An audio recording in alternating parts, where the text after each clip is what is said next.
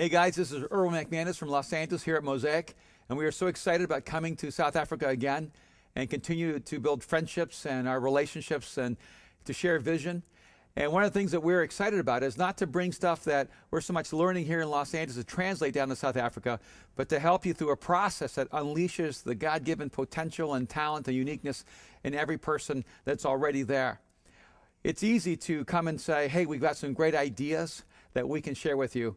But it's uh, a lot more important to say we have a way of helping you unleash the great ideas, the great dreams, the great talent, the great potential that already exists in your places. And by the way, we'll have a great time sharing stories, uh, sharing our journeys, and sharing the great ideas that God gives all of us. Look forward to seeing you guys in South Africa. God bless, and see you then.